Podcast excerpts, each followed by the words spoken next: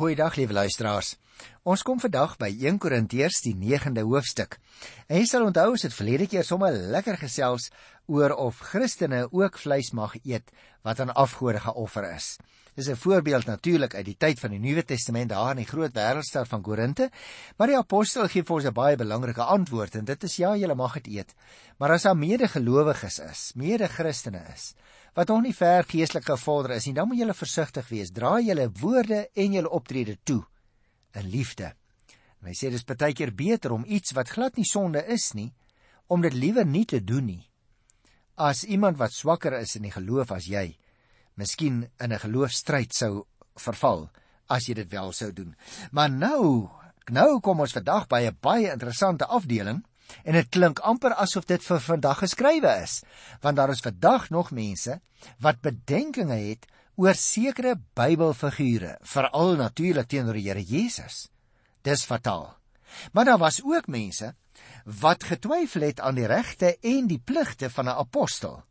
Want jy sien, sommige Christene het natuurlik Paulus se gesag as apostel bevraagteken. En daarom sê hy baie duidelik in hierdie verse wat ek gaan behandel vandag, waar sy gesag vandaan kom.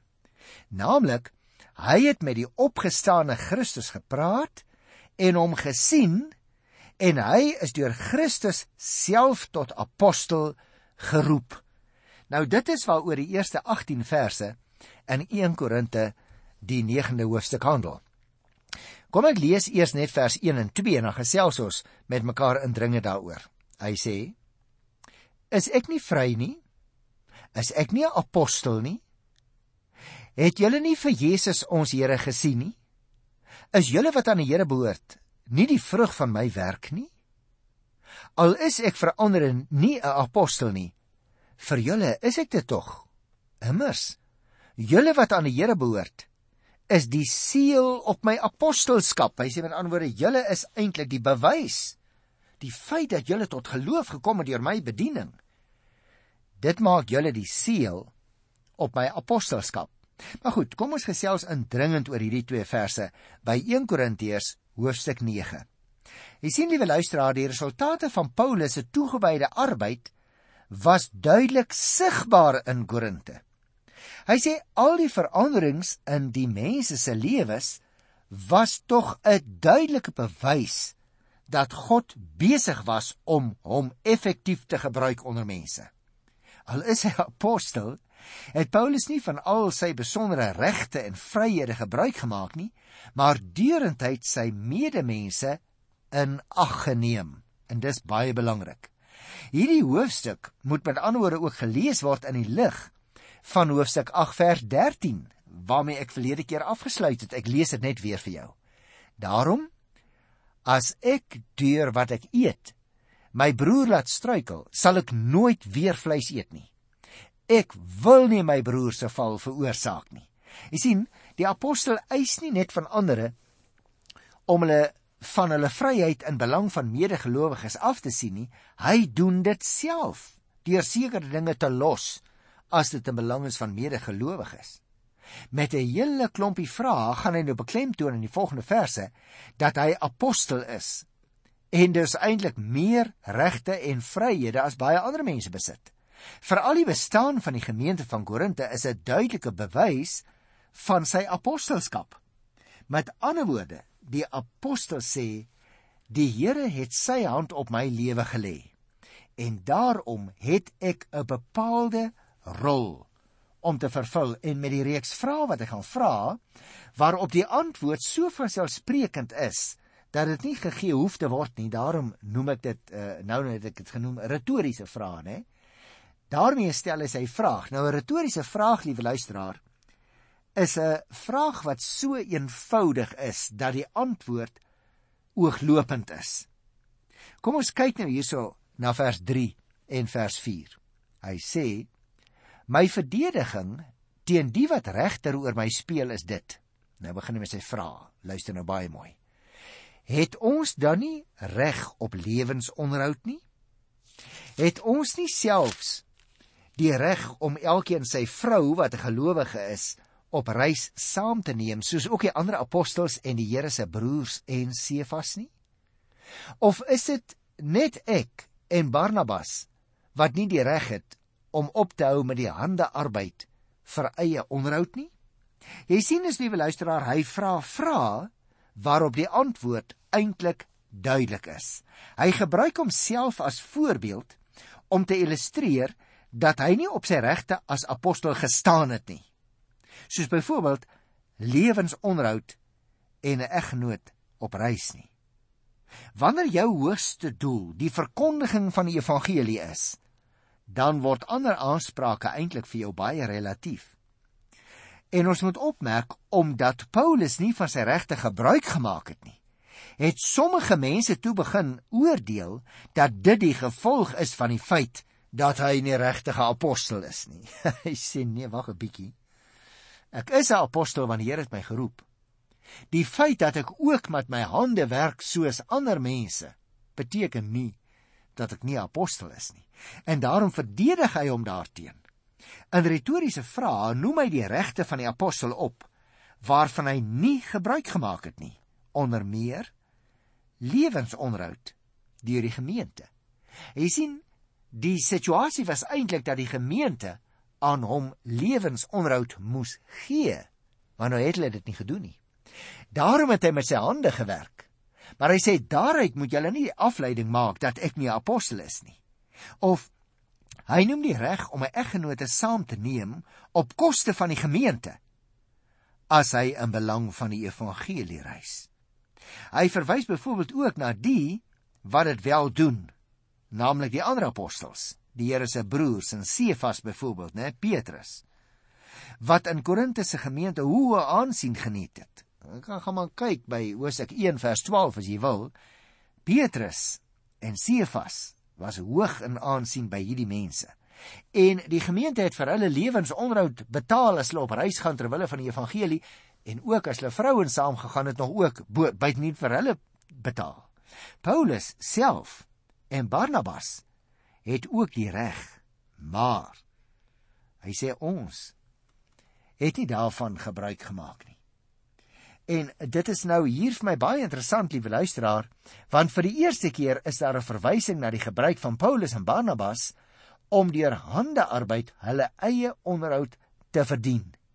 Dit was blykbaar so goed bekend dat die apostel dit nie voorheen genoem het nie. Die indruk sê Paulus nou, moet nie hier uit ontstaan dat alleen hy en Barnabas nie die reg gehad het om op onderhoud van die gemeente aanspraak te maak nie. Natuurlik het hulle daardie bevoegdheid om te sê hoorie ons wil nie ander arbeid doen nie, ons wil hê julle moet vir ons reiskoste betaal. Maar die rede waarom hulle dit nie gebruik het nie. Daardie rede gaan ons eers net nou teekom in vers 12. So kom ek los dit so klein bietjie uit. Kom ek lees nou hierso van vers 7 tot by vers 10. Wie dien ooit op eie koste as soldaat? Jy sien hy kom nou weer met sy vrae. En die logiese antwoord daarop is tog eintlik natuurlik niemand dien op eie koste as soldaat nie.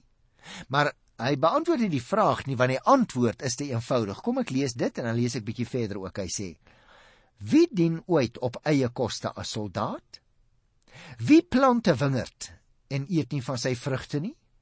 Of wie pas vee op en geniet nie van hulle melk nie?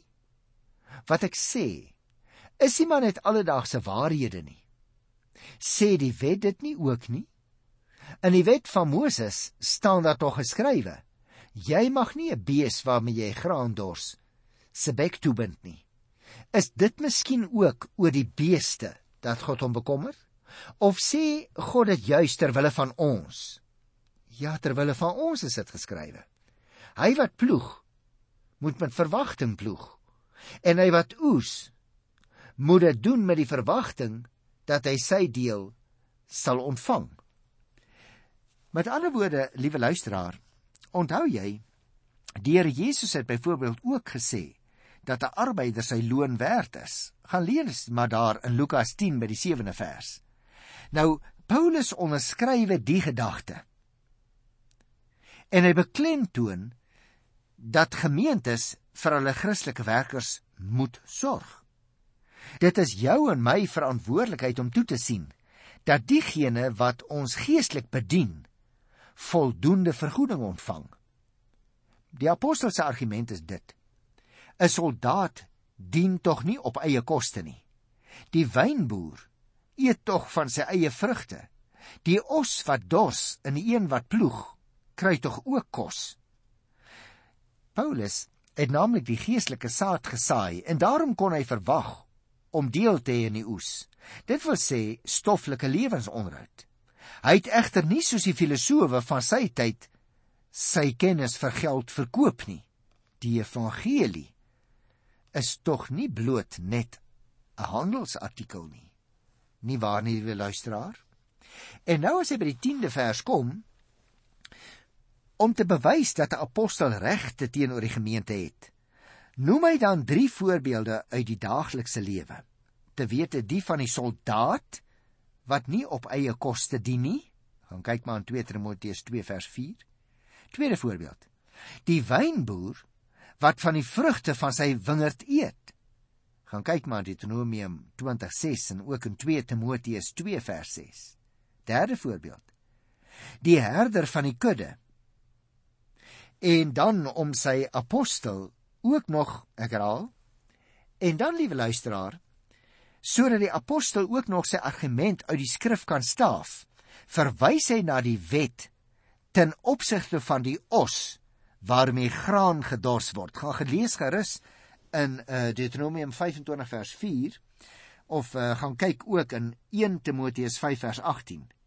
Nou natuurlik, wanneer die apostel hier praat van die wet van Moses, dan kom dit natuurlik in 'n hoofstuk voor waar daar oor menslike verhoudinge gepraat word en daarom kan die apostel sê dat die wetgewing waaruit hy aanhaal ter wille van die mens gegee is. Jy sien, die wetgewing is nie gegee ter wille van die os nie, maar ter wille van die mens wat met die os werk. Ook die ploer en die een wat dors kry deel van die opbrengs van hulle arbeid. Want die wet is nie opgestel ter wille van die koring nie en ook nie ter wille van die diere wat die ploeg trek nie. Die wet is opgestel, die reël is opgestel ter wille van die gelowige wat met hulle werk. Sy argument is dus eintlik baie eenvoudig. Hy sê: Ek werk in diens van die Here. Daarom is die diens van die Here verantwoordelik vir my lewensonderhoud. As daar dankoffers inkom, as daar lewensmiddels inkom, dan is ek geregtig om ook daaruit te lewe.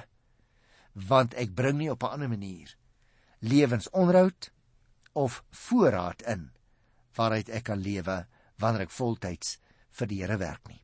Nou kom ons kyk na vers 11 en by vers 12.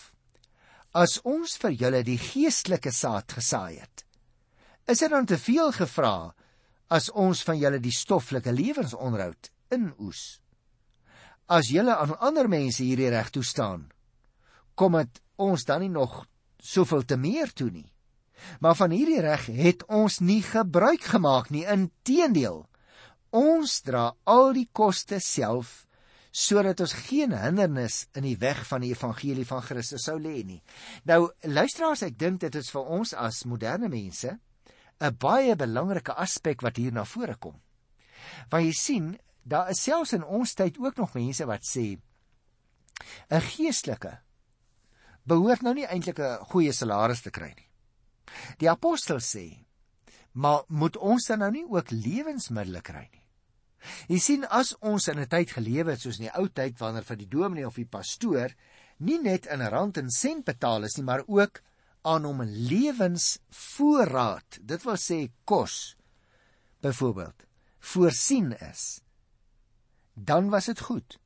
Maar in ons tyd word daar gewoonlik net betaal met geld en daarom sê hy is dit ook die gemeente se verantwoordelikheid om op 'n mildadige manier voorsiening te maak anders kan die geestelike werkers nie bestaan nie. Paulus sê hy van homself het in Korinte die geestelike saaiwerk gedoen. En hy het, so skryf hy, het eintlik meer reg op stoffelike voordeel as enigiemand anders. Want ter wille van die voortgang van die evangelie het hy nie daarvan gebruik gemaak nie. Dit blyk dus dat die apostel sê omdat daar ook mense is wat swak is in die geloof en dink ek hoef niks te kry nie. Daarom het ek nie enige voorraad van julle ontvang nie. Ek het om die waarheid te sê totaal en al niks van julle ontvang nie. Ek het met my hande self gewerk. Onthou hy was 'n tentmaker. En so het ek voorsien in my eie lewensonderhoud. En daarom, liewe luisteraars, is dit byvoorbeeld in kleiner gemeentes waar die geestelike leier, die pastoor of die leraar nie soveel lidmate het om na om te sien nie, is dit dalk vir hom moontlik om 'n bepaalde ander sekulêre werk te beoefen ten einde homself te onderhou. En dan moet hy dit gegun word. Dit is Paulus se hele argument. Hy sê maar weer wat. Ek het al die pad net met my eie hande gewerk. Ek het net my ambag gebruik om vir myself te sorg al die geleerdheid wat hy aan die voet van 'n baie baie beroemde Joodse rabbi destyds ondergaan het, naamlik Gamaliel. Hy het hulle geen koste daarvoor gevra nie, sê hy, sodat julle nie miskien sou kon sê ek het die evangelie aan julle verkoop nie. Daarom moet ons ook versigtig wees dat ons al te maklik onsself uitlaat oor die pastoor of die geestelike werk waarmee die geestelike leier besig is en sê hy of sy hoef niks daarvoor te doen nie want dit is vir die Here. Ek wil vir jou 'n eenvoudige vraagie vra, liewe luisteraar. Is dit wat jy doen elke dag? Is dit dan nie ook maar net vir die Here nie? Jy lewe wel daaruit ja. Maar hoe lyk jou dankoffer? Of is jy besig om iemand anders te beskuldig terwyl jou eie saak voor die Here doodgewoon nie reg is nie? Nou goed, kom ons gaan verder. Ek lees hierso van vers 13 tot by 14. Weet julle nie dat die wat die tempeldiens verrig uit die tempel lewe en dat die wat die altaar bedien uit die offers hulle deel ontvang nie? So het die Here ook bepaal dat die wat die evangelie verkondig hulle lewensonderhoud uit die verkondiging van die evangelie moet ontvang. Daar kan dus geen twyfel wees nie, liewe luisteraar. Hy sê dat dit in die tyd van die tempel so was dat die ouens wat die lampe skoon gemaak het en die ouens wat die offers op die altaar gebring het dat hulle 'n deel daarvan moes gekry het as lewensonderhoud. Maar nou moet jy onthou, liewe luisteraar, Paulus leef nie meer in die tempel van Jerusalem nie. Hy is besig om daar in Griekeland en in Turkye, soos ons daardie deel vandag ken, hy's besig om daar te werk. En daarom sê hy: Ek kan nie leef uit die opbrengs van die tempel nie, ek is te ver daarvandaan. Daarom het ek met my hande gewerk. Ek lees weer vers 14. So het die Here bepaal dat die wat die evangelie verkondig, hulle lewensonderhoud uit die verkondiging van die evangelie moet ontvang. En luister na vers 5 tot by 18. Wat my betref, ek het hiervan geen gebruik gemaak. Met ander woorde, juis ter wille van die swakkes van sommige gelowiges, sê die apostel weer wat, ek het glad nie van enige van hierdie voorregte om verniet of selfs uit dit wat ek kon eis van die gemeente gebruik gemaak nie. Hy sê dit hier, ek lees nou, hy sê ek skryf dit ook nie met die bedoeling om daarop aanspraak te maak nie. Met ander woorde, hy sê ek verwyd julle nie dat julle my niks gegee het nie. Ek gaan liewe dood Die roem sal niemand my ontneem nie. Met ander woorde, hy sê vir hulle ek is baie trots daarop dat ek niks van julle ontvang het nie. Ek het regtig uit en uit vir myself gesorg. Hy sê die roem dat ek niks vir julle ontvang het nie, sal niemand my ontneem nie. As ek die evangelie verkondig, is dit nie vir my 'n rede om te roem nie. Ek verkondig die evangelie omdat ek moet en wee my as ek dit nie doen nie. As ek dit uit eie keuse doen, kan ek nog op loon staat maak. Maar ek doen dit nie uit eie keuse nie. Dit is 'n taak wat aan my toevertrou is. Wat is my loon dan? Dit is dat ek as prediker die evangelie kosteloos verkondig en so afstand doen van my reg wat aan die verkondiging van die evangelie verbonde is. Paulus dink ek, liewe luisteraar, stel hier 'n geweldig goeie voorbeeld. Hy sê eintlik moet julle baie goed weet. ek het as apostel bepaalde regte. My reg sou byvoorbeeld wees dat ek nie sekulêre werk hoef te doen nie, julle behoort vir my te sorg. Julle behoort my dak oor my kop te gee, julle behoort my verblyf te gee as ek op reis is ter wille van die evangelie. Julle behoort vir my alle lewensvoorraad wat ek nodig het om van te lewe te voorsien. Hy sê maar nogtans het ek nie daarop aanspraak gemaak nie.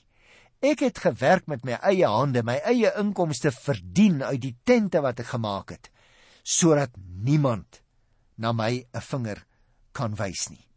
En daarom sê ek, ek dink hy het 'n voorbeeld gestel, liewe luisteraar, wat baie min geestelike werkers in die tyd waarin ons lewe kan nakom. En die gemeentes is gewoonlik so groot. Die uh, probleme is dikwels so wyd in omvang dat die geestelike werkers, die dominees en die pastore, dikwels regtig geen tyd het om enigiets anders te doen aan eie inkomste nie. En dit is dan ook 'n gemeente se verantwoordelikheid om voluit vir hulle te versorg. Daarom wat ons nou hier gelees het wat sommige mense noem as verdere bewyse wat aangevoer is dat die wat die evangelie verkondig, is dit baie duidelik eintlik behoort hulle uit die evangelie te lewe. Die apostel het deste min van geen een van hierdie regte wat hy as regte beskrywe gebruik gemaak nie.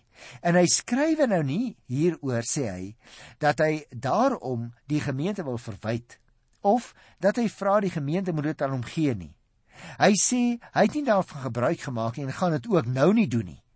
Nie omdat hy twyfel het oor sy apostelskap nie, maar om te kan voortgaan om die evangelie kosteloos te verkondig aan almal wat wil luister.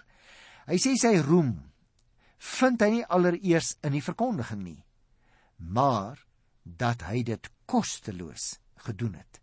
Die verkondiging is hom immers as 'n taak opgelê. En nou wil ek vir jou ook vra, liewe luisteraar, is jou taak vir jou as 'n taak opgelê? Want dan moet jy ook nie daaroor kla en kerm nie.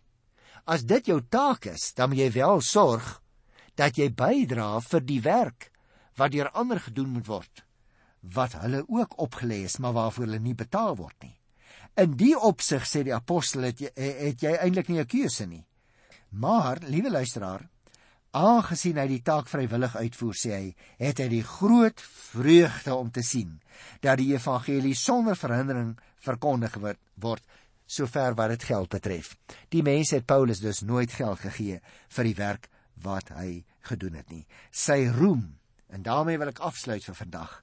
Sy roem lê nie in sy besondere verkondiging van die evangelie nie, maar juis daarin dat hy deur die genade van God daartoe in staat gestel is en gedryf word om dit kosteloos te doen.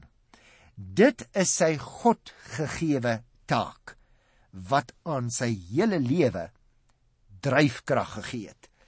Ek wil vir jou vra, liewe luisteraar, wat is die dryfkrag? Wat is die taak wat die Here vir jou gegee het? Wat is dit wat jy glo wat jy behoort te doen elke dag? Doen dit dan nommer 1 met groot vreugde en met blydskap. Doen dit met entoesiasme na die beste van jou vermoë.